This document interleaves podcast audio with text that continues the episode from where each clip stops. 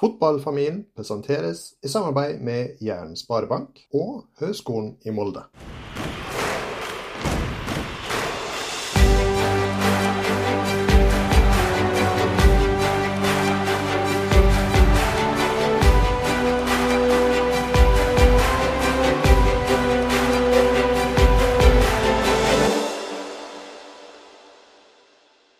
Velkommen til Fotballfamilien, en podkast for deg som er glad i fotball. Mitt navn er som alltid Anders Solfrid Gjerseth, og oppe i Molde sitt Ja, det er meg, Sander Gjerseth. Det er bra. OK, i dag, Sander, har du gjort et lite skup. Det kan vi absolutt si. Det er ja, dette er- Ja, denne gjesten har vi altså ønska oss i fryktelig lang tid. Eh, ikke bare fordi at han er en samfylking og en, eh, en snakkesalig type, så slipper jeg å sitte og snakke så mye, men fordi at han er en av Jeg vil iallfall hevde det, en av de største profilene norsk fotball har hatt gjennom alle tider. Eh, både i kraft av resultat og, og ikke minst i forhold til personlighet.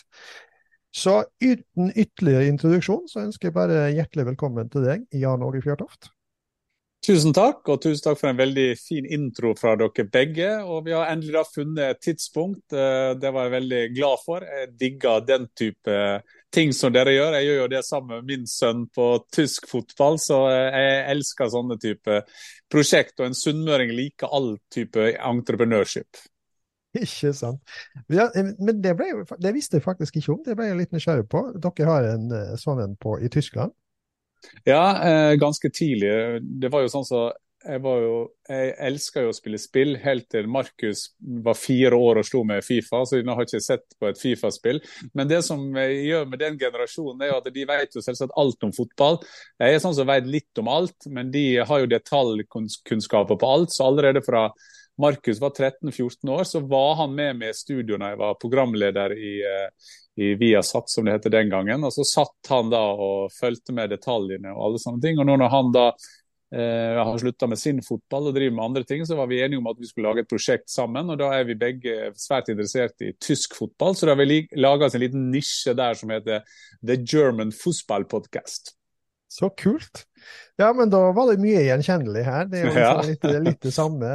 Guttungen er jo en liten entreprenør, så, så jeg er jo bare med, og så er det han som på en måte styrer showet.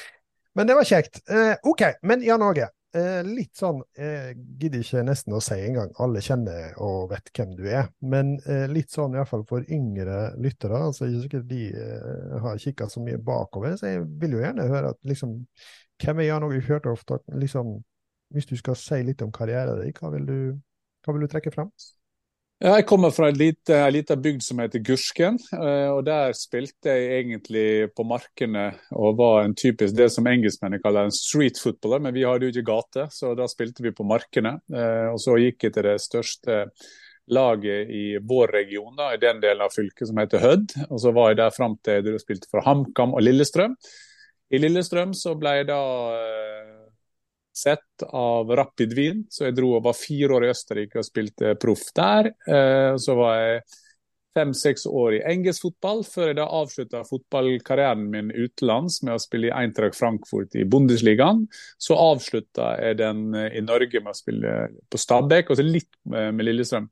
Helt før jeg ble pensjonist. Og så har jeg hatt gleden av å være en del av det største fotballeventyret i, i norsk fotball. Det var jo da et helt uh, unnskyld uttrykket, ræva fotballandslag etter hvert begynte å bli mye bedre. Uh, og plutselig, til vår store overraskelse, og sikkert også til alle fotballtilhengeres store overraskelse, så kvalifiserte vi oss til VM i 1994 i USA. og Da var det første gangen Norge hadde gjort det siden 1938. så det det var en stor sak, og det var også en stor gøy sak for oss som var fra Møre og Romsdal. For det var jo mange Møre og Romsdalinger som var med på, på det laget, så det var veldig gøy.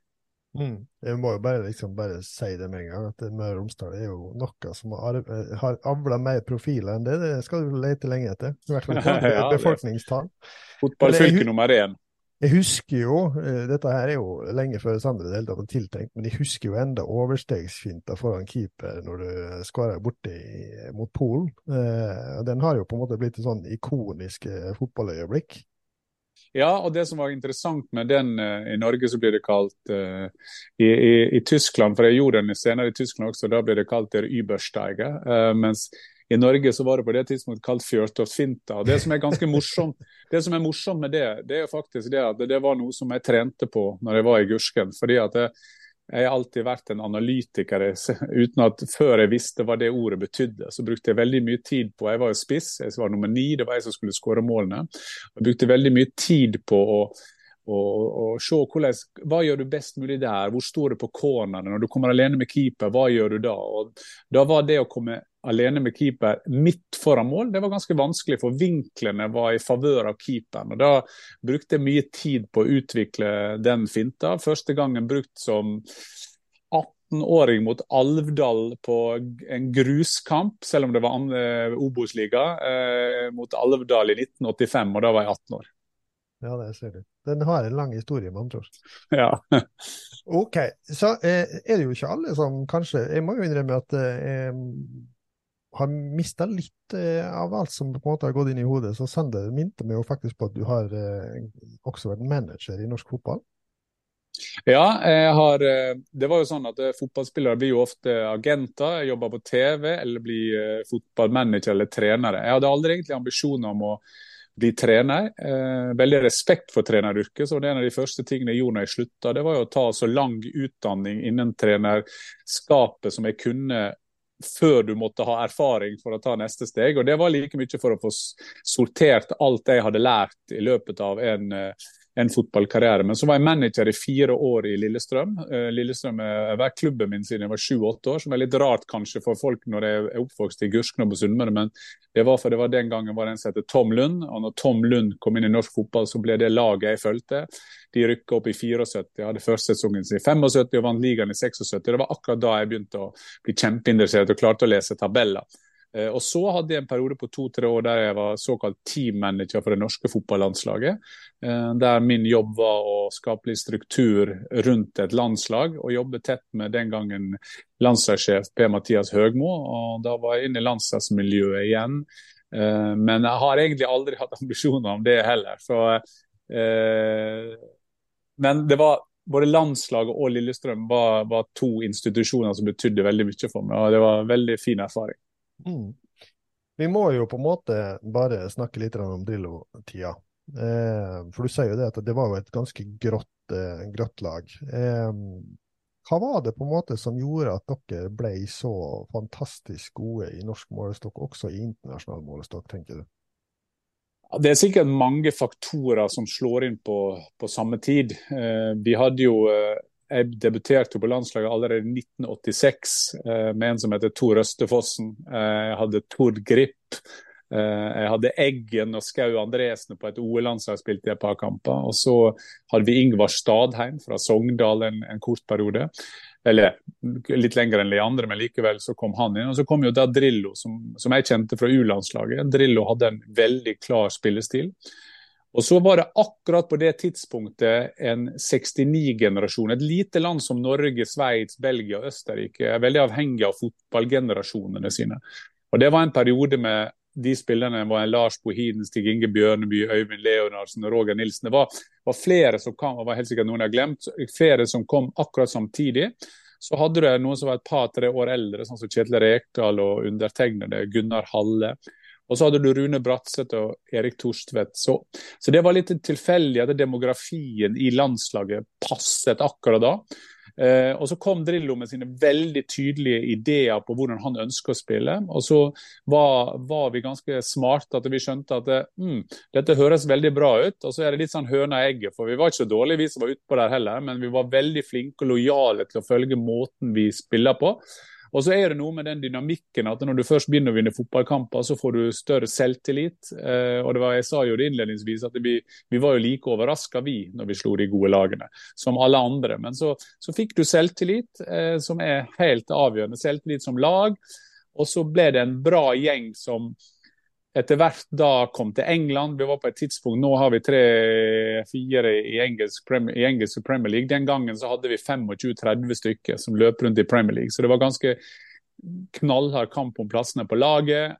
Det var veldig definerte arbeidsoppgaver som gjorde det Eh, ganske enkelt. Og så var det veldig god balanse, i motsetning til dagens landslag, der du har en veldig god offensiv del, og så sliter du defensivt. Den gangen så var det ganske godt fordelt. Vi hadde en god midtbane med mange som løp, vi hadde gode forsvarsspillere, og så hadde vi en del angripere som skårte mål også. Så det var en mye bedre balanse i det laget enn det var eh, det akkurat nå.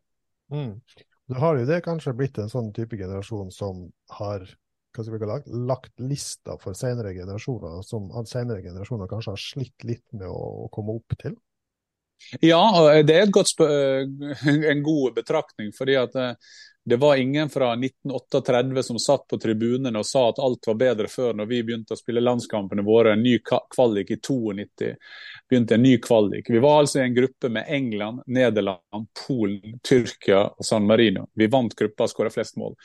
Eh, som var helt sensasjonelt på det tidspunktet. Men det er et godt poeng det du sier der. Et poeng som vi helt sikkert bruker. Jeg bruker jo ofte når jeg prater med den generasjonen som heter Karev eller Riise eller hva de alle heter, så spør jeg alltid hvor mange VM de har spilt. Og, og det er jo, eh, men, men samtidig, sånn, jeg kan iallfall bare prate for meg selv, jeg har en enorm kjærlighet til det norske landslaget. Både kvinner og, eh, kvinner og menn følger med på alt som gjør der. og jeg skulle ønske at de kunne satt oss i skyggen. Kvinnelaget har jo delvis gjort det. Eller delvis, de har jo gjort det. Dessverre har ikke de fått den eh, oppmerksomheten som, som de fortjener. Men herrelandslaget, jeg skulle ha ønsket at eh, det, ikke at det var vi som var den vår generasjon som var sist i et mesterskap.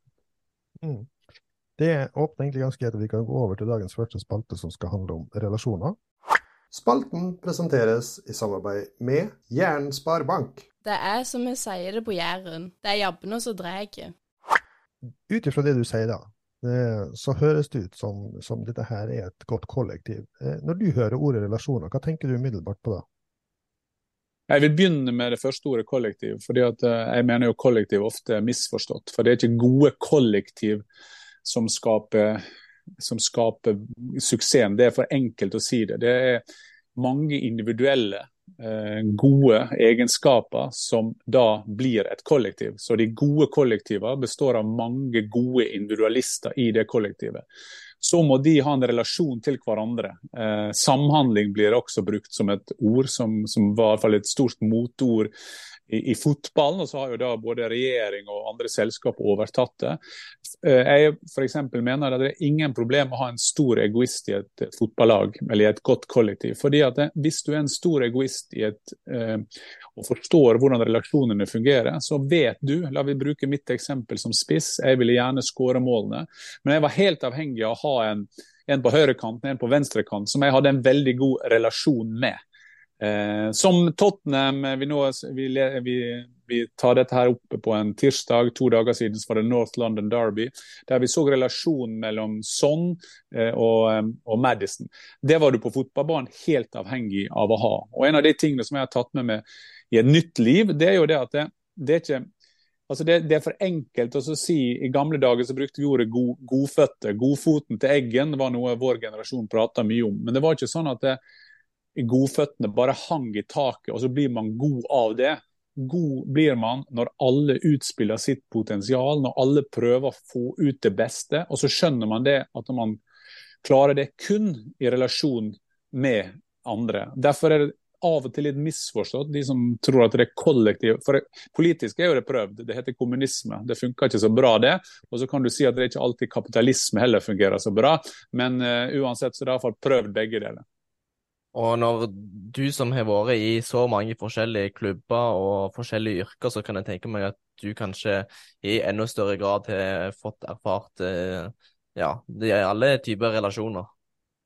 Ja, eh, og at, det er jo også en god observasjon, fordi at man er jo når man kommer inn til nye klubber, så er det en ny, du skal forholde deg til en ny kultur.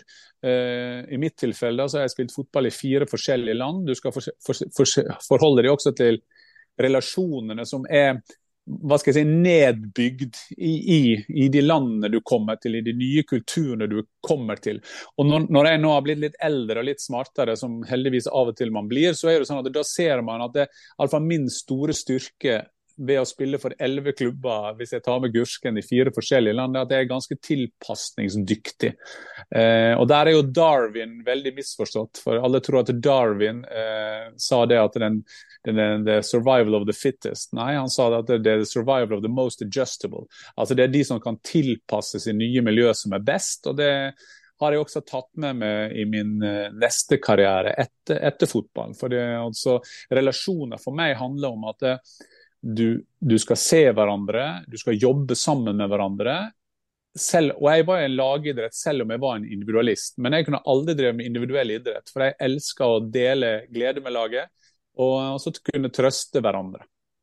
Kan, når du sier det at uh, du er tilpasningsdyktig og du tok med det inn i dine nye jobber, kan det liksom gå litt over med det når, når Viaplay har gått over fra Bundesliga til, til engelsk fotball istedenfor?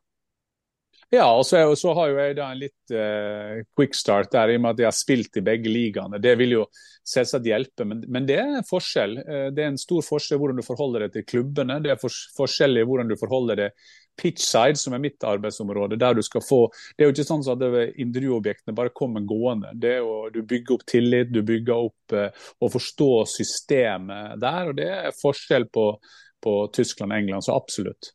Mm. Jeg må jo innrømme nå, eh, jeg vet nesten ikke hvor jeg skal begynne, for det var det her jeg håpte jeg skulle få til når du ble med. Eh, som du sier, du er opptatt og nysgjerrig på mange ting. Eh, og når du klarer å trekke Darwin inn i en fotballpodkast, podkast. Da, da, snakker vi da, da, da, da, mener vi alvor. Men, men jeg, jeg, liker det du tenker, for nå jobber jo jeg med relasjoner til daglig. Jeg jobber både med par og familier og, og, og, og, team. Og det som på en måte kjennetegner alle, er litt sånn som du sier, det handler på en måte om å få tak i de gode egenskapene til hver enkelt, i stedet for at alle må, på en måte må tilpasse seg så mye at du mister det, det som gjør deg spesiell. Eh, I f.eks. det kollektivet som Drillo bygde opp der var det jo utrolig mye sammensatte egenskaper. Samme kan du si med Rosenborg og Eggen, og det er vel kanskje det vi ser litt i, i Bodø-Glimt òg, ikke sant. Eh, hvis du tenker da relasjoner og spisskompetanse, hvor viktig på en måte er relasjoner i forhold til å kunne utnytte spisskompetanse, f.eks. av idretten?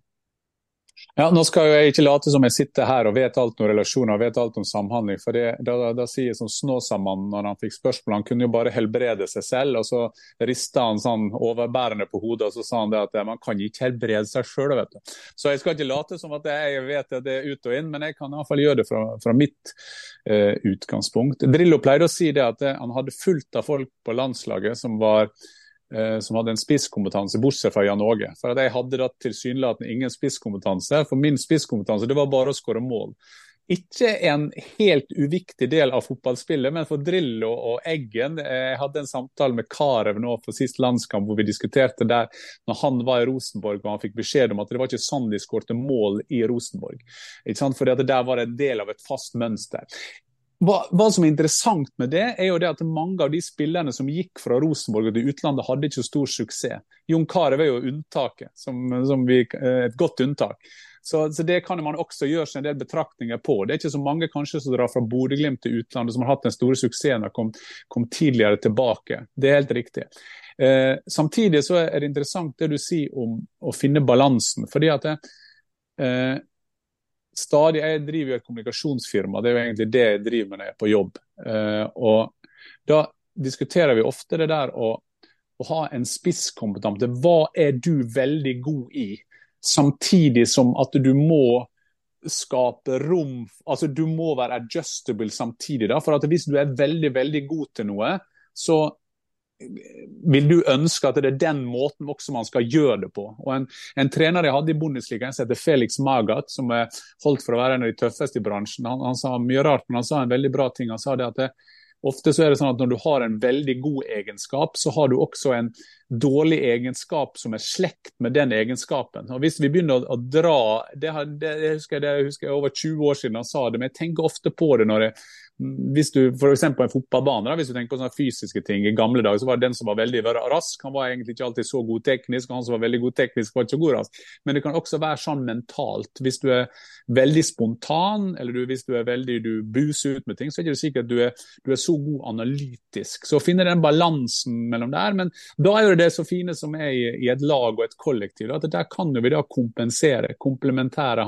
sam, komplementære samhandling som, som uttrykk uttrykkene har vært. Så Det er jo en av de fine tingene med å være i lag. Vi behøver ikke å kunne alle tingene. Og Sånn er jo det i næringslivet også. Hvis du er i et stort selskap, så kan det godt hende at i lunsjen så møter du en som har løst det problemet som du var tenkt å bruke én million på i konsulenthonorar for å løse. Men det kan godt hende han ved siden av meg har løst det allerede. Det er jo også en samhandling og en, viss, en veldig fruktbar relasjon. Mm. Det her er, er, Nå er vi på et godt spor. Og hvis, Hvis vi tenker da på eh, tilbake til landslag og norsk fotball og, og, og samtiden, da, for ikke bare snakke om fortiden. Eh, du snakker om et kollektiv der det alle altså det var mange individualister i et kollektiv, men det kollektivet, på en måte balansen mellom de to, gjør at det blir en sånn god suksessfaktor. Og så tenker jeg, med all respekt å melde for, for alle tidligere, vi må vel innrømme vi har aldri hatt større verdensstjerner i Norge enn det vi har akkurat for øyeblikket. Eh, og så tenker jeg litt sånn, Samfunnsstrukturen er jo godt for å være veldig sånn kollektivistisk tenkning til den nå på en måte veldig individualistiske. Ser du på en måte noen korrelasjon mellom det, at, at vi dyrker så gode individualister frem og så store verdensstjerner nå fordi at samfunnet gjerne har gått den retningen? Ikke automatisk, fordi at det, det som har skjedd med Erling Haaland og Martin Ødegaard, det er så ekstremt i norsk sammenheng at vi klarer ikke å fatte vurderingen av det. Eh, Martin, kaptein på Arsenal, en av verdens beste midtbanespillere. Og Erling Haaland, kanskje akkurat nå verdens beste fotballspiller. Så det er ikke tvil om at iallfall Erling, da, på sin spissplass, så har vi aldri i norsk fotballs historie som går tilbake til 1902 og første landskapet i 1908, så har vi aldri hatt en spiller som har vært nærmere verdensklassen eller Erling. Det er ikke helt riktig å bruke de to som eksempel, for de er faktisk to av de som er mest opptatt av kollektivet i den gjengen. De er veldig opptatt mm. av det ansvaret de tar. Så det er, det er ikke enten-eller. Samtidig så, så ser jo vi nå, nå, blir det mange sånne sideelver her, men det er ganske interessant hvordan samfunnet er akkurat nå. for nå går Vi vi går sånn, nå går vi, vi har ikke helt bestemt oss på hvilken vei vi skal gå. og Spesielt i Norge så, så er vi litt etterpå. at det stort sett, Selv om vi prater om store forskjeller i Norge, så er, stort sett, er vi ganske flinke til å ta vare på hverandre, sett i sammenlignet med, med andre land. Så, men, men vi ser jo den individualiseringa av samfunn, den kommer jo. Men så istedenfor at vi vi, vi prater så mye om at alt var bedre før, så må vi forholde oss til sånn som det er nå. Det er samme som når mm. vi skal oppdra barna våre. Da er de annerledes enn vi var. Det er ikke noen god løsning å si det at ja, jeg gjorde det sånn. Jeg er jo enig med f.eks. Ole Gunnar Solskjær og Ole Gunnar sa det at ja, han savna den ja, det kan godt hende han savna den attituden som var på 90-tallet. Og så forstår jeg hvorfor han sier det, men vi må forholde oss til hvordan denne generasjonen er. Jeg var på 90-tallet i garderoba. Den skrikinga og, og, på grensen bullyingen som lederne har, det går ikke nå. Det går ikke nå lenger. Altså, det er en helt annen måte. Da mister du det. Og hvis du skal som leder, foreldre eller, eller du skal lede folk generelt, så er du nødt til å finne ut hvilken sender du skal sende på. Eller så er det så er det helt funkstille, som tyskerne sier. Det, det er ingenting som, som skjer. Så ja, idretten er nok et tverrsnitt eh, av mye. Eh, vi ser nå at flere spiller, nei, utøvere i norsk idrett eh, trekkes ut av landslagene. Det er mange ting som kommer der. Men hver tid har jo sin sin måte å gjøre det på. Selv om at det var annerledes enn før, så kan det godt hende at det er like mange muligheter sånn som samfunnet er nå. Vi må bare finne ut tilbake til deres første spørsmål om hvordan vi skal komplementere hverandre, hvordan vi skal drive med samhandling, hvordan vi skal ha eh, relasjoner med hverandre. Mm.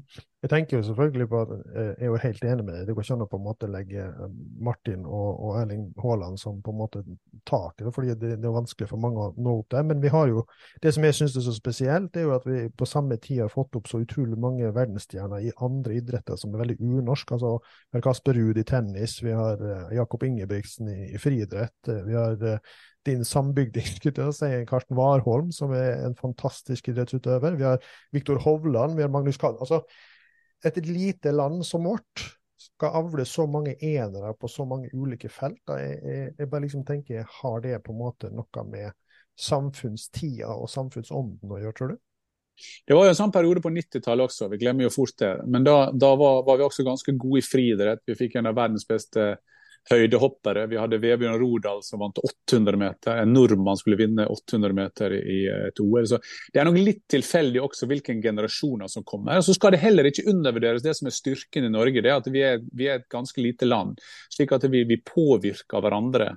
Vi blir inspirert av hverandre. Sånn var det på 90-tallet. Jeg husker da jeg var i garderoba i Wien, og så kom Ole Kristian Furuseth, tidligere en av de som hadde gjennombruddet for uh, alpinistene, var der. Lasse Kjus, en ung junior Lasse Kjus kom der. Så, så man, man, uh, man, man, tar steg for hverandre. Og så er det nesten like interessant debatt hvor er det disse kommer fra. Du har jo liksom en Karsten Warholm som da kommer fra et, et miljø i Ulsteinvik der han var, en, han var jo tikjemper. Så får han Alnes rundt seg, han har stor støtte hjemmefra. Ingebrigtsen så vi så, de har jo fått lov å følge. Viktor Hovland har kommet over det amerikanske systemet. Eh, eh, Erling har kommet eh, også fra en far, han har vokst inn i det. Hans Erik Ødegaard, som er pappaen til Martin, har bidratt mye der. Eh, Kasper Ruud med sin far, som var Norges beste tennisspiller. Samtidig, og da er vi på det der Jeg syns det er så feil, de da som går helt andre veien. Og så sier de at det viser at den norske idrettsmodellen eh, det, det, det, er jo på tross av osv. Jeg tror dette her kan leve veldig godt eh, sammen med hverandre. fordi at Hvis man begynner å sjekke tallene, så har Martin Ødegaard spilt fullt av kretslagskamper. Han har spilt på bane som vi har fått lov å å, å bygge ut i sammen med det mm. offentlige. Så, så, det var det jeg mener med at vi må også være adjustable til hver, til hver tidsepoke. Og nå er vi, som, som du beskrev, inne i en, en, en, mer den type fase. Men jeg er helt sikkert troa på at uh, det skal være mulig å lage bra folk av de her også. All, all statistikk tyder på at uh, dagens ungdom er mye bedre enn de var før. Så det, der, der, må vi gamlingene rett og slett shut the fuck up. hvis, skal, hvis, jeg kan ta tilbake igjen litt til fotballen, så syns jeg det er verdt å nevne. En ting er jo Haaland og Ødegaard, som er kanskje litt egen klasse, men vi har jo òg Jeg husker for noen år siden når Joshua King eh, var den store stjerna på landslaget, og jeg syns det var helt rått at han skåret noen mål i Premier League inn i det. Mens, mens nå har vi jo Fredrik Aursnes, vi har Nusa, vi har mange store eller, Nå er jo Nusa riktignok litt mer up and coming ennå, men vi har jo flere av de som Berge, du Ayer, spiller fast i gode, gode klubber. og de får ikke helt den samme oppmerksomheten som kanskje King fikk før, f.eks. Så jeg syns det er lett å gå litt i glemmeboka av og til. Det er helt riktig, men det er, jo, det er, jo, dessverre sånn når vi har to av verdens beste fotballspillere, så er jo det rett og slett bare sånn det er. Ja. Fordi at det, eh, det, er jo litt med tiden du vokste opp. Hadde Joshua King gjort det på et annet tidspunkt. Hvis han hadde vært der nå, så hadde jo prestasjonen hans vært Det, det er et, et, enda bedre eksempel egentlig på Alexander Sørloth nå, som skåra nesten mm. Hadde det skjedd for noen år siden, så hadde jo alle mm. sagt at det var, var helt utrolig. Eh, mm. mens nå, når vi har da kaptein på Arsenal og vi har verdens beste fotballspiller i, i Erling Haaland, så, så er det dessverre sånn som det er. Men, men, alle de navnene du tar opp der, er jo det er veldig spesielt at vi har uh, fått de fram. Igjen uh, sammenligner jeg med, Belgia, Østerrike, Sveits og den type nasjoner. Skottland, som må ha de generasjonene. Akkurat nå så har vi veldig mange som kommer, og det kommer flere også på U18, U17, U16 og som kommer opp, som gjør at vi kommer til å ha stor glede. Men det hadde vært veldig fint hvis vi hadde fått en midtstopper i ny og ne også, slik at vi ikke måtte skåre seks mål per kamp for å, for å vinne. Mm. Men eh, ikke for å slippe det på en måte det med relasjoner helt, da. Fordi jeg, jeg var på vei et sted, og, og, du var egentlig veldig fint å oppsummere det. Mange av de som på en måte vi trekker fram, sant? de har fedre eller mødre eller nær familie som på en måte er med å dra de opp. Og sånn som du sier, Karsten Warholm får inn da også eh, Alnes, som blir på en måte en slags personlig trener, og, og løfter han litt fram. Eh, hvor viktig tror du det med relasjoner og, og, og disse her eh, verdiene du får med hjemmefra, er for å, å, faktisk nå igjennom som du gjør på toppnivå? Ja, altså jeg tror generelt er det viktig å ha en god, en god heim. Altså, det er jo en fordel for de, og så er det litt urettferdig å si det for de som var så uheldige at de ikke har hatt en bakgrunn. Så, så, det tror jeg er veldig, veldig viktig. Men det er, en, det er, mange faktorer. Vi har eksempler på folk som, som kommer fra broken homes og gjør det helt bra. Så har vi de som er helt fantastiske, som det kan bli, bli for for mye tilrettelegging. For må, vi må huske det, altså For hver Erling Haaland, for hver Martin Ødegaard, for hver Karsten Warholm, så finnes det veldig veldig mange andre foreldre som har sikkert hatt størst større ambisjoner enn foreldrene til Karsten og Erling. Eh, ofte er det sånn at når du kommer fra en fotballfamilie, så har du faktisk mindre ambisjoner, for at du vet hvor mye som skal til for å nå det. Det som ligger i bunnen for alle, det alle har til felles, er at de har trent mest. Og Da er det et uh, utsagn som, som, jeg bruker i, i sånn sammenheng. Det er at det er alle som blir best, har trent mest, men det er ikke alle som trener mest, som blir best. Uh, så det ligger beinhard jobbing bak det, så det er ikke noe tilfeldig. Og så vet vi også det at det, eh, både sult og for lite sult, for mye sult, så må du finne akkurat den balansen. Og så ser vi nå, nå ser vi om ikke glansbildene, for det hadde ikke de likt å bli kalt selv, men har, vi ser iallfall de som har klart det, og som har klart å ha en, virker som en veldig balanse. Det er klart at For en Erling Haaland så er det, det er jo lettere å få råd hvis du har en far som har bakgrunn som han har, som du vet du kan stole 100% på, som relasjonen Karsten og, og, og Leifen har skapt dem imellom, osv., osv. Ruud, far og sønn, osv. Mm. Men eh, for å snakke litt med mediejobben òg, da. Eh, hvor viktig på en måte er det å bygge relasjoner i, i, i mediesirkuset? Ja, det, det, er en del eh, Nå har vi definert relasjon. Relasjon kan defineres på mange måter. Relasjon og nettverk går jo ofte sånn, det blir også litt feilbrukt. Det, det er viktig i alle yrker å skape tillit. Eh, og mange sier ja, Norge, du har et så stort nettverk og, du, og, og så videre. Ja, jeg har tillit. Det er veldig mange mennesker som, som, har tillit til meg, og jeg har mange mennesker som jeg har tillit til. Så Det er selvsagt helt avgjørende når du er ute og reiser. Denne helga var jeg på City Forest. Uh, jeg har jobba veldig mye med Manchester City, jeg har jobba veldig mye med Team Haaland. Jeg, er sikkert, jeg tror nok jeg er den nordmannen som har sett flest livekamper med Erling, det er helt sikkert. Eh, så har du Arsenal, eh, de har vi jobba mye med i Champions League før. Da har du bygd opp en tillit, at du leverer på det du skal. Nå kom eh, Postekoglu, den nye Tottenham-treneren. Eh, og da, da, er du sånn, da, Det gjør ikke alle, men da, sånn, da, går jeg bort til han og presenterer meg. og Heldigvis hadde han fått med seg hva en del jeg hadde gjort. og Da har du en, en god start, men så må du begynne å bygge opp tillit eh, til, eh, til hverandre. Eh, og så Noen ganger så skal du intervjue dem når de vinner 3-0, og noen ganger når de eh, taper 3-0. Så det er liksom å finne den eh, balansen mellom der også. Jeg har litt flere ting jeg lurer på når det kommer til dette yrket her, men det første jeg lurer på når du er inne på at du møter stadig nye, flere store profiler, er det sånn Kjenner du deg at du kan bli litt sånn ekstra nervøs foran noen? Nei, altså jeg, jeg, får ikke, jeg, får ikke, lampefeber eller noe sånt. fordi det, En av mine store styrker er at jeg vet at bak en Postekoglo eller Arteta eller en Erling eller en Martin, så er det en liten guttunge som hadde akkurat samme drømmene som vi alle hadde hatt en gang. Mm. Så, så, så, det er det. Samtidig så må man også ha respekt for rollene her. fordi at selv om ja, eh, selv om jeg har jobbet tett med, med både Alfie og Erling, så har vi forskjellige roller. Da da Erling debuterte mot Augsburg i Bundesligaen, kom inn som innbytter og skåret for øvrig tre mål på 25 minutter, selvsagt, så, så møttes Alfie og jeg ute på parkeringsplassen. og da, sa, da, gjorde jeg en sånn formell ting. og Så sa jeg til Alfie at nå må vi huske at nå skal vi jobbe mye sammen. Og så må vi huske når vi skal være kompiser, og når, vi, når, når du må behandle meg som en helt vanlig en som prøver å, å få lage en, en, story på det. Så, så jeg tror hvis at det generelt måten du bygger opp tillit er jo veldig respekt for rolle. Eh, jeg møter jo nå flere av mine gamle lagkamerater som nå er, jeg jobber. Eh, jeg, jeg, møter folk som jeg har mye med å gjøre.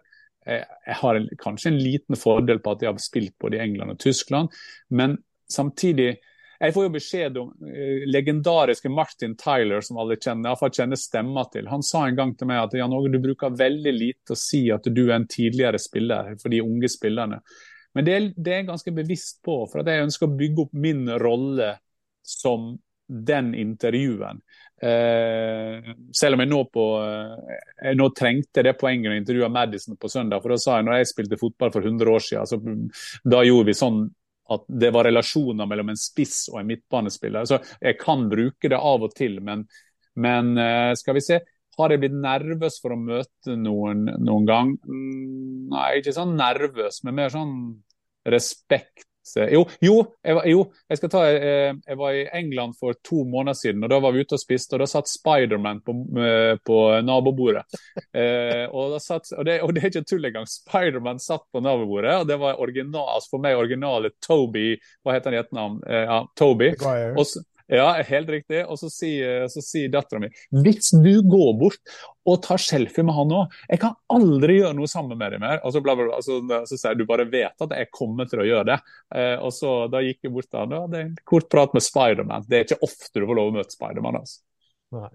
Men eh, litt sånn tilbake igjen. Eh, syns, altså Nå har jo du sier at du bygde en tillit med, med Team Haaland f.eks., men nå er jo kanskje Viaplay kanskje litt ekstra heldig med at når man først ser de to eh, stjernene, så har man liksom kanskje det litt sånn goodwill for dem, at de vil kanskje stille litt mer opp for Viaplay. Og er det sånn, føler dere litt heldige, liksom?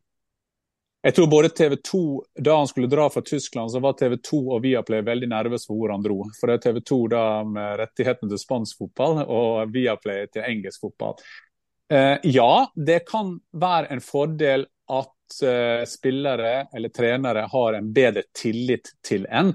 Samtidig så kan det være en felle også. fordi at det, eh, vi må passe veldig på at det, For det, det følger jo veldig folk med på. Så, så, sånn som det er i England nå, så så, så, er det sånn at da er det et mønster på det. Sånn, så Jeg får ikke Erling hver gang. Det er Premier League i samarbeid med klubbene som Manchester City som bestemmer de tingene på når vi fikk han.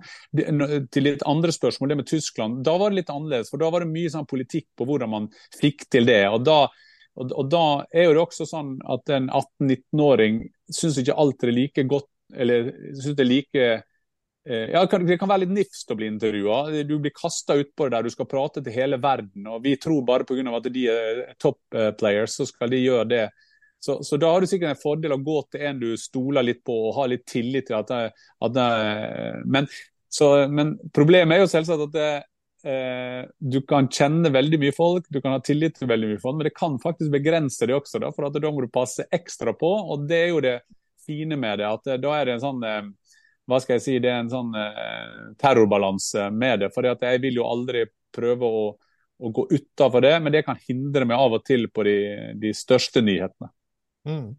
Vi har fått noen uh, lytterspørsmål òg, uh, fra de som følger oss i sosiale medier. og Nå passer det liksom fint med ene. fordi uh, Har du noen sånn spesiell inngang eller triks i forhold til å, å få gode svar fra trenere som gjerne er litt sånn gretne etter tap, eller eh, som er lite innstilt på å, å by på seg sjøl, eh, på helt normale spørsmål? Jeg tror faktisk, Hvis jeg skal få lov å si en av styrkene mine, det er at jeg gir ikke intervju. Jeg har en samtale med, eh, med trenerne og spillerne. så Det er jo et godt utgangspunkt. Jeg ønsker å ha en prat med dem. Uh, jeg hadde noe med Madison, så sa Madison klaga litt før vi skulle gå i intervju han sa han har fått akkurat samme spørsmål av alle han har fått i dag. og Så sier han da gjør vi et veddemål. Jeg garanterer at mine fire spørsmål skal være helt annerledes. Og jeg vant det veddemålet. Men, så, så nøkkelen er jo Eh, som jeg tenker på, det er at jeg har en samtale med dem. Jeg prøver å se for meg hva folk hjemme i sofaen lurer på. Jeg lurer på Hva er det vi lurer på i dag? Jeg må ikke tøffe meg for andre journalister og stille et eller annet spørsmål om lav sekser eller høy åtter eller, eller, møtende tier. Jeg tror ikke det interesserer alle. Det, det er begrensa antall folk som interesserer seg for det. Og så liker jeg å ta med meg, hvis du har, og jeg også har uh, trenere uh, som, som, kan være litt vanskelig av og til, for de er egentlig ute etter å ta det litt, for de vil egentlig ikke stå der spesielt etter tap. Det som jeg liker, da, det er å ta med meg intervjuobjektet mitt inn i en situasjon. Så La vi bruke et eksempel. Um, hvis en spiller har skåra på en straffe, og så, istedenfor å spørre han hvor nervøs han var, så liker jeg da å ta han med dit han var. Altså Du står der foran keeperen, 11 meter unna, foran den gule veggen i Dortmund. Du vet at hvis du skårer nå, så vinner dere kampen. Hva, hva skjer inni hodet ditt da? Og da håper jeg da at jeg skal få intervjuobjektet til å være med i den i, ja, i, i, det følelsenarrativet jeg ønsker å ta den i. og Noen ganger fungerer det veldig bra. Kan du ikke si at du får med litt eh, seere seere inn i spørsmålet når du tar det på den måten?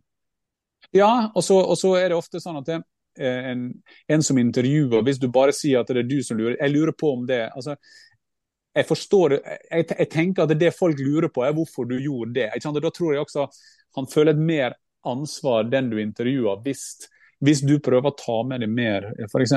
City, da kan du ta hva, at Manchester City-fansen må høre hva Pep mener om en situasjon. Så jeg er veldig opptatt av å Det er noen som sier du skal sende eh, følelsene hjem, men jeg er like interessert i når jeg er i på indre bane i pitchside i England, å ta med meg folk ut. Jeg vil at de skal være der ute. Jeg vil at det jeg har en ambisjon om at jeg skal stille en del av de samme spørsmålene som folk hadde stilt hvis de hadde fått lov å stille dem fra sofaen. Nydelig. Eh, jeg tenker også litt sånn da, eh, Det blir et lite nerdespørsmål ut fra min egen eh, hverdag. Fotballen er jo veldig altoppslukende, uansett nesten hva du driver med. Det tar jo fryktelig mye tid, og ingen 9-4-jobb. Hvordan klarer du å ivareta de personlige relasjonene i, i dette sirkuset? Man kan ikke helbrede seg sjøl. Uh, ja, uh, uh, personlige relasjoner til family og alt sånt. ting. Ja, nå har, jeg, nå har, jo jeg, et selskap i tillegg, så ja, vi jobber mye. Men nå er det sånn at jeg, jeg ble gift, jeg ble gift i juli 1989. og bryllupsreisen vår var å dra til Rapid Wien. Så det er jo ingen av de tingene nå som er ganske overraskende. Det er egentlig sånn vi har levd hele livet. Det er fem av oss. Det er to av oss som er fotballgærne. Det er eh, han eldste mann og jeg. Og så har vi to jenter og mor da, som er mer støttespillere har vært hele tiden, men ikke noe interessert i fotball. Så, så det blir en sånn ting. Men, men, det er jo sånn som, som det er med alt. Eh, det er både en fordel og en ulempe å ha en del av yrkene dine. Nå driver jeg en del med andre ting også, men men yrket ditt som lidenskap det har jo både plusser og minuser. For du er jo alltid på. Jeg husker en gang på en middag så, så satt vi og diskuterte fotballinteresser. Og så sa jeg jeg er ikke så interessert i fotball som mange tror. Så jeg, og så sier kona mi hvorfor ligger den mobilen der borte på live-oppdateringer på den norske ligaen. Så, så du, du, du, du, gjør jo litt sånn naturligvis. Eh, og så har jo vi sikkert som alle andre, så er det logistikken som må som må gå opp. Nå er jo barna blitt litt eldre. nå er jo eh, To av tre eh, er jo i London, så det er jo en fordel eh, når jeg ser det. Jeg så de i helgen. Så, så det må man prøve å Det er en del av den store logistikkortstokken som alle er oppi. Mm. Vi skal gå over til neste spalte, så vi får snakke litt om den, som skal handle om læring og utvikling. Spalten presenteres i samarbeid med Høgskolen i Molde. Det første jeg da på en måte naturlig spør om, er jo hvor mye følger du på norsk fotball?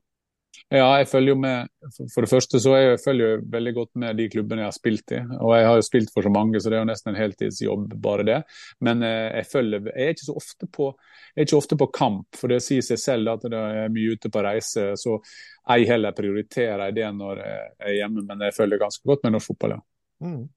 Hva tenker du litt sånn, Nå snakket vi litt i sted at vi har jo fått fram noen enere, og vi, har, vi, vi strever litt kanskje med ubalanse på landslag osv. Hva, hva tenker du om den norske fotballmodellen i forhold til det som skjer internasjonalt? Ja, jeg må først begynne med noen sånne gitte forutsetninger. Kunstgress er veldig bra for utvikling. Kunstgress er veldig bra for barn og unge. Kunstgress er veldig bra når du ber kommunen overta ditt uh, anlegg. Da må kommunen få lov å bestemme at det er kunstgress. Kunstgress er veldig bra for de nordnorske lagene Tromsø og Bodø. Period stop. Kunstgress er noe helt annet enn det vi driver med i Europa. Så allerede der har vi tapt litt. Og Så kan folk si ja, men vi får fram spillere. Ja, men det spiller ingen rolle. Det er helt annen type idrett å drive med kunstgress. Så det, det er iallfall en sånn klar greie som jeg mener er helt håpløs. At f.eks. Molde skal ha kunstgress, jeg syns det er skam. Jeg syns Molde skulle hatt gress, sånn som de har på Åråsen, sånn som de har på Brann stadion. For det at det, ja, jeg forstår det at pasningene går bedre på, på, på kunstgress, eh, men det er bare at fotball skal spilles på gress. Ferdig snakka. Og igjen, jeg viser til forutsetningene jeg hadde der, eh, at det, det fotball er gress. Og det er bare det. Og når Norge da ser at alle andre land gjør akkurat det samme, så kan ikke man si det at da gjør alle andre feil. Ref til mine fire forutsetninger før. Eh, så er kunstgress veldig bra. Men det er iallfall min første grei på, eh, på akkurat den delen. Men eh, hvis du skal se litt sånn Jeg føler alle lag med gress stort sett, iallfall hvert år, har gjerne en kamp minst hvor man har kanskje litt forhold man ikke bør spille fotball i uansett. Hva tenker du sånn rundt det, da? Ja, Det er Nadderud du egentlig prater om nå. Nå har det blitt kunstgress. Du skal vel ikke så langt tilbake før du var med en, en brannkamp i år? Det er helt riktig, men det koster, også å holde en kunstgressbane i orden. Så hvis, Det er jo en av grunn til at de engelske lagene klarer å holde sine baner i orden. Altså, da må vi bare bli bedre på å lage gressbane. Men igjen så skjønner jeg det at når man lager for store stadion, man går nesten konk og du blir redda av kommunen, så men da får vi heller ha de én eller to kampene da. Og, og jeg reagerte jo når, når Kjetil Knutsen sa det at de hadde sagt, gitt beskjed til Uefa at banen var for dårlig i Zürich når de spilte mot Lugano. Eh, da kan du tenke deg hvordan utenlandske lag føler når de kommer til Bodø i oktober-november, når det er frostrøyk og snøskavler på sidene på en kunstgress. Så nei, der tar jeg ingen, tar ingen prisoners på det. Der går jeg rett på, eh, på, på at det er feil, rett og slett det vil vel på en måte tvinge seg frem en viss uh, nytenkning uansett, med tanke på uh, gummigranulatforbudet. Og, og jeg, er jo jeg er ikke noe sånn kategorisk på dette, men jeg ser jo på en måte skadefrekvensen i norske klubber de senere årene er jo rimelig høy, så jeg tenker det må jo ligge et eller annet der òg. Men hvis vi beveger oss videre bare fra kunstgress, da. Eh, den norske fotballmodellen i forhold til utvikling. Eh, F.eks. fra da du på en måte kom opp til nå. Eh, jeg vet ikke hvor mye tett på du er, men syns du på en måte det virker som vi, vi er på rett vei? Ja, altså Resultatene viser jo at vi er på rett vei, men så er det mange parametere her. Fotballen skal jo være for alle. Det er klart at det, det er altfor dyrt å drive med idrett. Jeg kan ikke huske at vi brukte penger når, vi, når jeg vokste opp. Eh, at det kosta noe i det hele tatt. Det kosta sikkert medlemskort i idrettslag, og det måtte du vise fram. Nå er det treningsavgifter, det er fotballskoleavgifter, det er trenings, treningsleiravgifter osv. Så, videre. så det er klart at det er terskelen for å spille fotball, bar, eller terskelen for å drive idrett i Norge er altfor høy. Så, så er det ikke noen lettvinte løsninger på det. fordi det, det, er også blitt et samfunn der det å gå på dugnad og de frivilligheten er ikke så fremtredende som det var som var tidligere. Så Der har jo vi et absolutt stort problem. Og Så kan man begynne å luke vekk en del ting. Det er jo f.eks.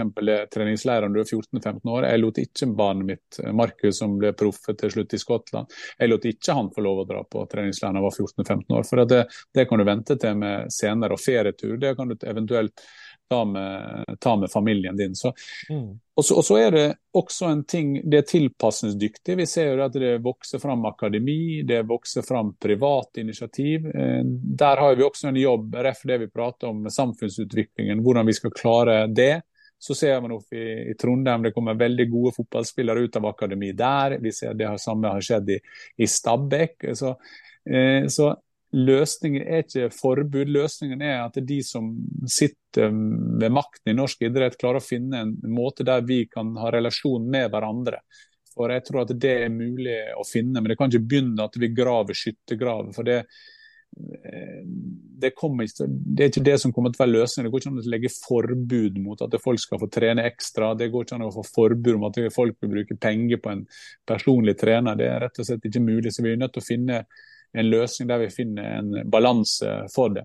Og så er det Kjetil André Aamodt som pleier å si det. Jeg er litt sånn sansen for Han sier at det, vi behøver ikke bruke så mye tid på de som blir best, for de blir best uansett. Mm. Ikke sant? Det er en ganske, altså, altså, så er det en litt ekstrem måte å tenke på, da, men, men tilbake til utgangspunktet mitt, at det, idrett skal være for alle. og når, når regjeringen, når det statlige, når vi med våre skattepenger bruker 3-4 milliarder på norsk idrett, så må norsk idrett levere på det som er mandatet deres. Det er at alle skal få et tilbud om å drive idrett. Og Hvis ikke de får det pga. at terskelen er for høy økonomisk, så har jo modellen vår spilt fallitt. Og så kan man si det, ja, men det er ikke enkelt. Nei, men det spiller ingen rolle. Den har spilt fallitt hvis noen ikke får lov å drive med idrett for at de har ikke råd til det. Men, eh, og nå skal jeg liksom gripe fatt litt i media igjen. da. Fordi at eh, Fotball er jo avhengig av media, og media er avhengig av fotball. Eh, skal jeg si. Det går jo to veier. Men er media også en liten sånn driver til dette økonomiske eh, si, spiralen? På hvilken måte?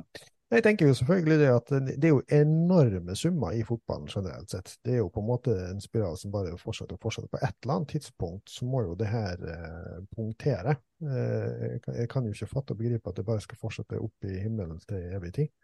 Ja, Du tenker på medierettigheter? Jeg tenker på medierettigheter. Nå har det vært mye kritikk i forhold til at eh, både, både altså alle rettighetshavere ikke sant? Prisene øker jo. Det er jo fordi at kostnadene selvfølgelig øker, og produktet på en måte skal jo betales. Så det er jo enkelt å forstå at når du skal ha et veldig produkt som på en måte etter hvert blir kvalitativt veldig bra, og alt skal vises, så, så må jo de pengene hentes fra et sted. Men, men, det blir på en måte en sånn type spiral, der at igjen, som du sier, idretten skal være tilgjengelig for alle. Sånn blir det jo ikke i praksis.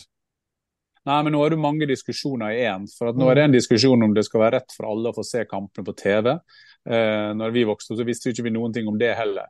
Og så har du det eh, som media omtaler, så er jo bare 0,001% av fotballen. Fotballen for alle handler om at alle skal få mulighet til å trene trene fotball. Eh, den store debatten om, om medierettighetene, den er, jo, den er jo voldsom. Mm. Det er jo også med mediesituasjonen å gjøre. Der vi i gamle dager satt og så på mandagsfilmen og fredagsdetektimen. så er det sånn at nå ser vi nesten ingenting live lenger. Det eneste vi ser live er fotball rett og mm. slett, og, og, noen andre idretter. Det er jo den verste prisspiralen der. Men, men, den, men det mest alvorlige er jo eh, alvorlig er jo at folk ikke får lov å spille fotball eller får lov å drive idrett. Det er jo en, den største utfordringen vi har akkurat nå.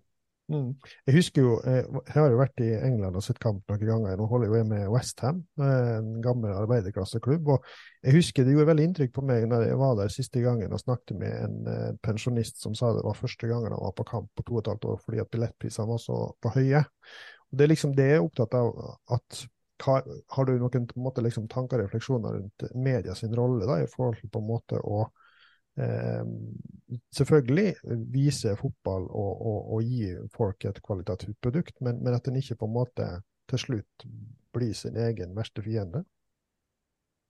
Ja, men jeg forstår ikke helt egentlig inngangen til det. fordi at det, dette er jo idrettene, du ser Det som er problemet nå i norsk idrett, er at de ikke har penger. Eh, og penger, Medierettighetene skaper jo penger til forbundet som da de skal bruke på aktivitet. Så det er jo, mm. et, det er jo, en, det er jo en, økonomisk eh, næringskjede der. Eh, så et av Noe av det verste som kan skje for aktiviteten, det er jo hvis at media ikke kjøpe rettigheter lenger. For Da mm. vil jo en av de viktigste inntektsgrunnlagene for, for idretten forsvinne. Mm. Eh, samtidig så er det nordmenn som oss som får opp prisen i engelsk fotball. For vi er jo villige til å betale hva som helst. Så for hver gang du drar og ser for Westham, så er det én sjanse mindre for din kompis pensjonisten å dra på kamp, hvis jeg nå drar det helt ut. fordi at det, det er jo klart det når, eh, Jeg merker jo fort de banene det er bedre stemning på, og de som er minst stemning på, er jo der det er flest mulig turister. Ja. Der de sitter med sine kamera og tar. Og Jeg, jeg er jo akkurat det samme som det er jo sånn som gir bort konfirmasjonsgave. Det er en tur til England og se på fotballkamp med mine fotballinteresserte nevøer. Og så når jeg plutselig skal løse ut den gaven altså A, jeg vet ikke hvor jeg skal få tak i billetter, og det er jo mm. dritdyrt. Ikke sant? Mm. Så, så det er en ganske det er en ganske vanskelig debatt. fordi at Hvis da vi hadde sagt at det var motsatt, da, at eh, nå skal all idrett være gratis, altså alt skal vises Ja, en eller annen plass må du ta inn kostnader, men det er jo det verste som kan skje i forbundet. For da har jo ikke de penger til å bruke på aktivitet. Så det, mm. det, det er en ganske komplisert diskusjon.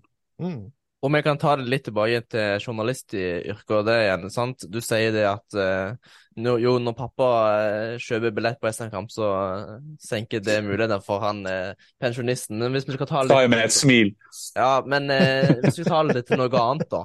det er jo mange som klager over overskrifter, spesielt pappaen er voldsom på det med å klage når VG skriver et eller annet om Haaland eh, har fått ny frisyre eller noe sånt. sant? Det, folk legger det ut og gir det oppmerksomhet. Er ikke det sånn som bidrar til at eh, det gir flere klikk og, og sånn ser folk eller journalister bare fortsetter med det?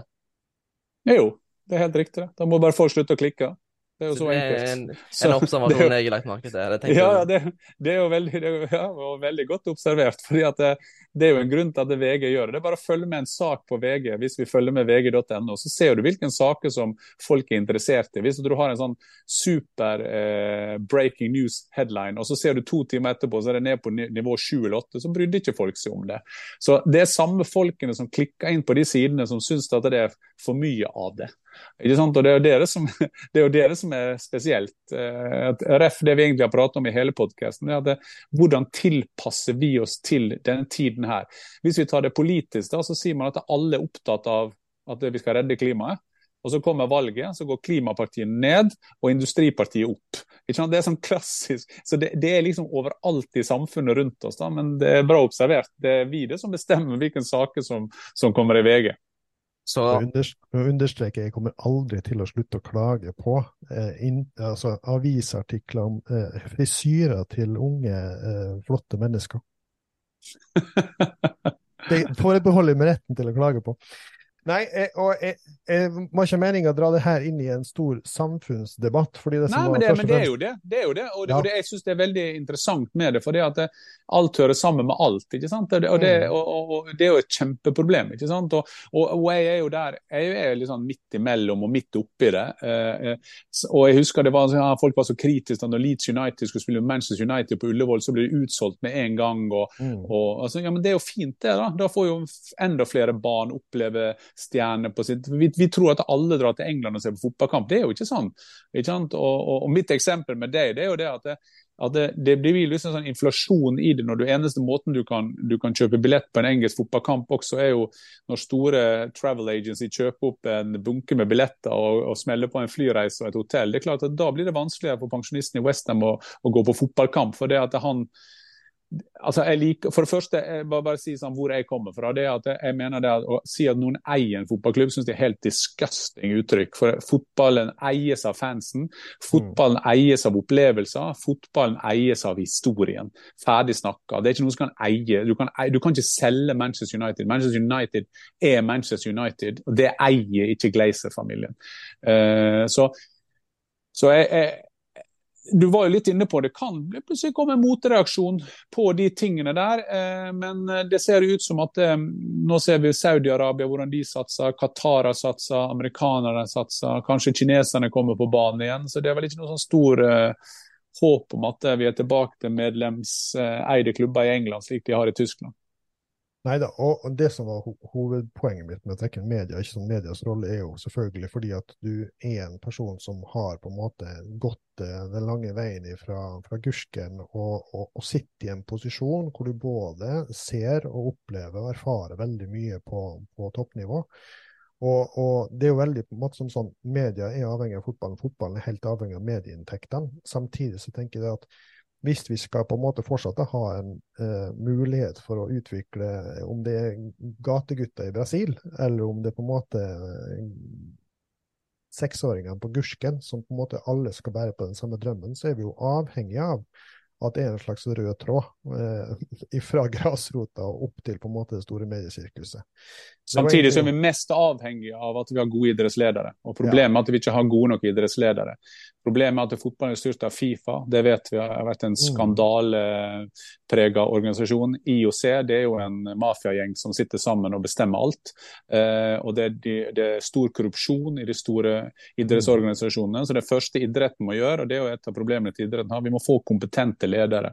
Og Hvis du Mm. ser nå bare utviklinga i Norge, vi ser at Ishockeyforbundet legger ned landslag. vi ser at det, eh, Store forbund har store underskudd. Vi ser at Skiforbundet ikke får med seg utøverne sine lenger. Jeg tror vi skal begynne med først i idretten, før vi begynner å kritisere politikerne, media og alle andre. Så må vi få kompetente folk som styrer idretten vår. sånn som akkurat det du sier der, at det er seksåringer i Gursken og gateguttene i, i, i Brasil eh, har gode vilkår for å få drive idrett. For Målet for idretten er ikke å få fram Erling Haaland.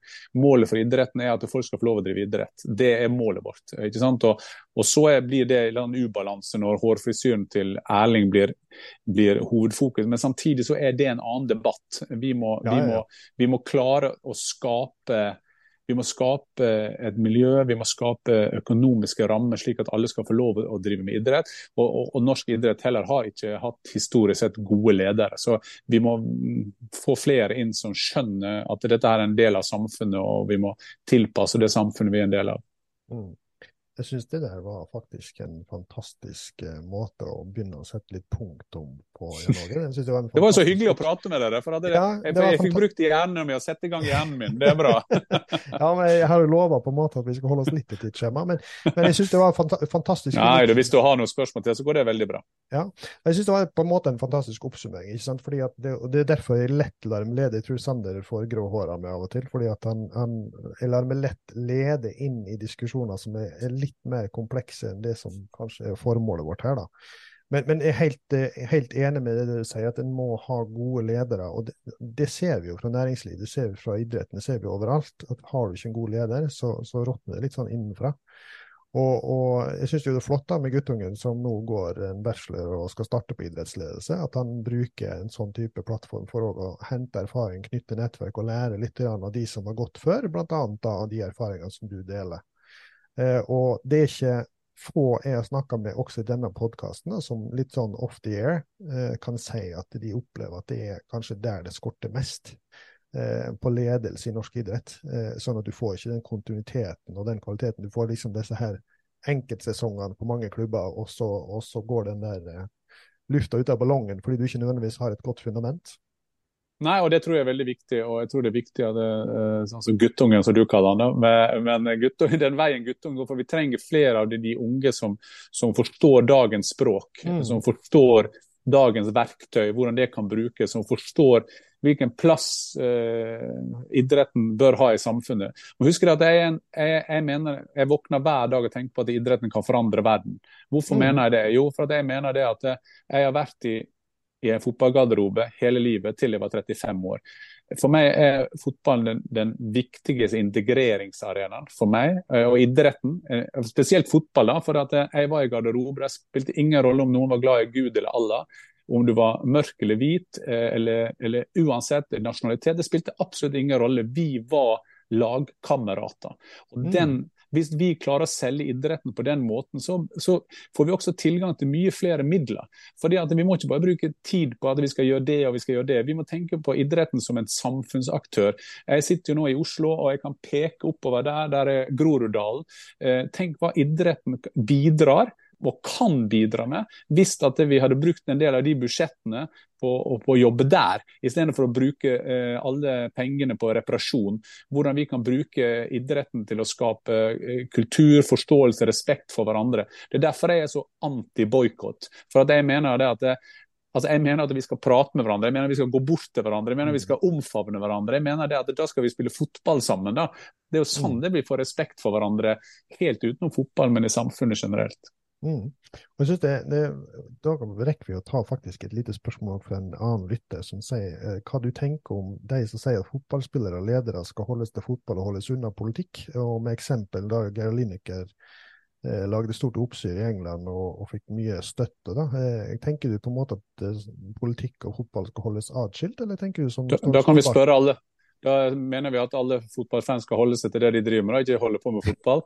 Eh, nei, det, det, så, så, Nei, det har jeg ikke noe forhold til, for jeg syns de er så tåpelig sagt. Eh, hvis at vi får folk som står for noe, som er, som er, veldig flinke, så er det fantastisk at de bruker sin plattform til å mene noe om de, de forskjellige tingene. Men så må vi da ha også respekt for at eh, andre ikke vil gjøre det. Og Det var en, en god idrettsleder, det finnes gode idrettsledere i norsk idrett også, som sa til meg det at eh, idrettsutøvere har rett til ikke si noe. Ikke sant? Og Det er mm. også en bra ting. Jeg syns av og til så kan, det, kan vi vi er litt for voldsomme og, og, og presser store politiske meninger over på altså, Skulle Gursken sine representanter dra til fotballting og mene noe om boikott i Qatar, må alle på landslaget mene det samme om Qatar osv.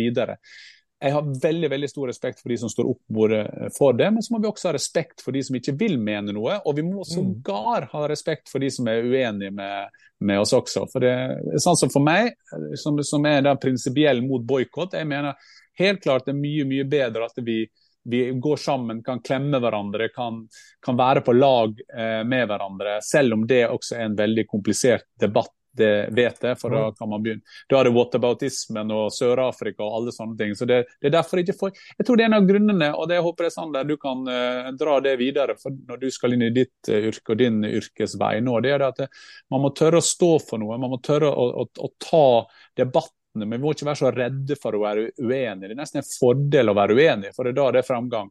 Det er faktisk svært få ting i, i verdenshistorien som blir skapt av to folk som er enige. Så det er mm. ofte begynner med en uenighet. Det, og idretten er jo helt ufarlig, så jeg håper du kan ta med deg det.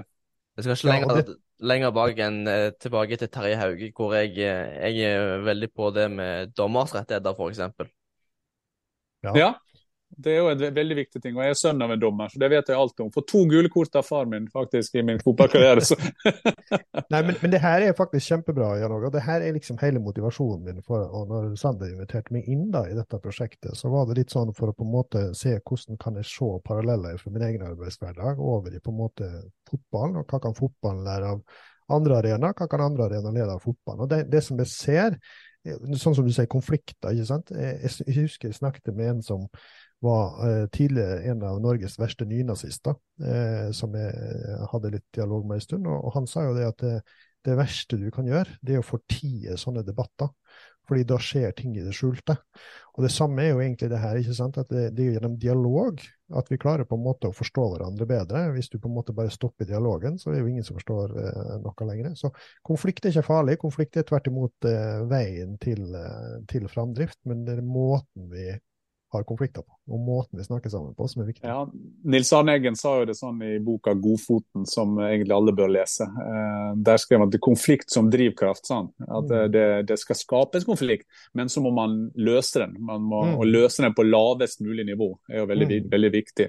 Ofte er det sånn at vi fortrenger jo konfliktene, om det er et ekteskap, eller om det er en businessrelasjon eller det er en fotballgarderobe. Så det er jo viktig, det tidligere vi klarer å løse det, det, det viktigere er det. Men problemet er jo at det, enighet og konsensus blir jo også brukt som en hva skal jeg si, en kontrollerende faktor. Mm. og Spesielt i idretten, når du har organisasjoner, du har eh, idrettsting eller når du har store internasjonale ting, så er konsensus gjort på klapp. og Jeg har vært på mange av de selv. altså Det er ikke akkurat så stort miljø for å være uenig. Å, eh, så, så, det er jo en måte også å kontrollere massene på. Så, eh, så Sander, du har, du har mye foran du skal løse.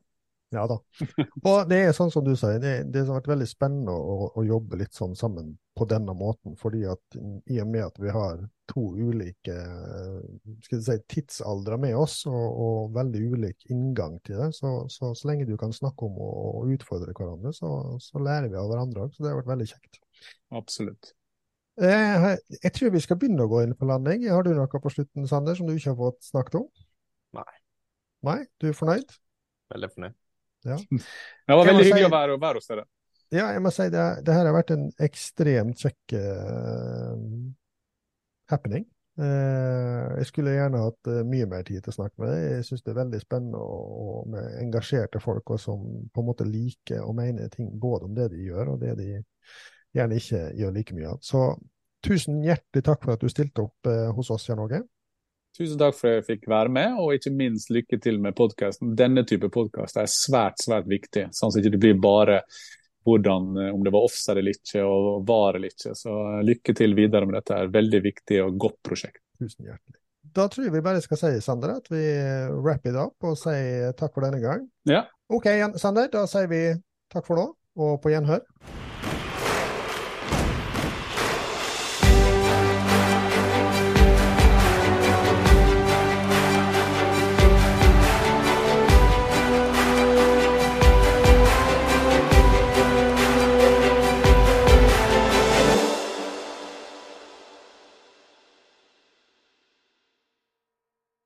Fotballfamilien ble presentert i samarbeid med Jæren Sparebank og Høgskolen i Molde.